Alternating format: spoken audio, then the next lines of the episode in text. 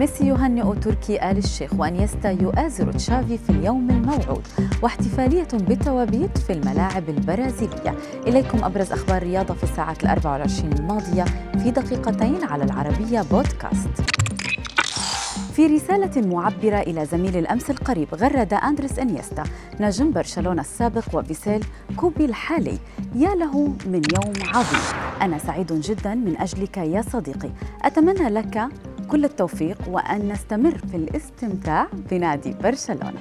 أحد المشجعين الموجودين في تقديم تشافي بملعب كامب نو عبر عن محبته للاعبين من خلال قميص جمع فيه اسم الأسطورتين مع الرقمين ثمانية وستة.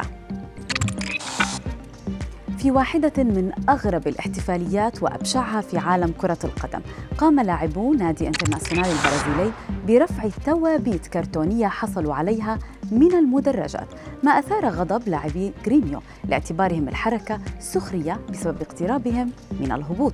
ليقوموا بالدخول إلى أرضية الملعب والاشتباك مع لاعبي الفريق الخصم. لكن الحكم تدخل لطرد عدد كبير من اللاعبين وفاز انترناسيونال بمباراة قمة بورتو أليغري في الدوري البرازيلي بهدف مقابل لا شيء على غريميو الذي ازداد موقفه سوءا في سلم الترتيب.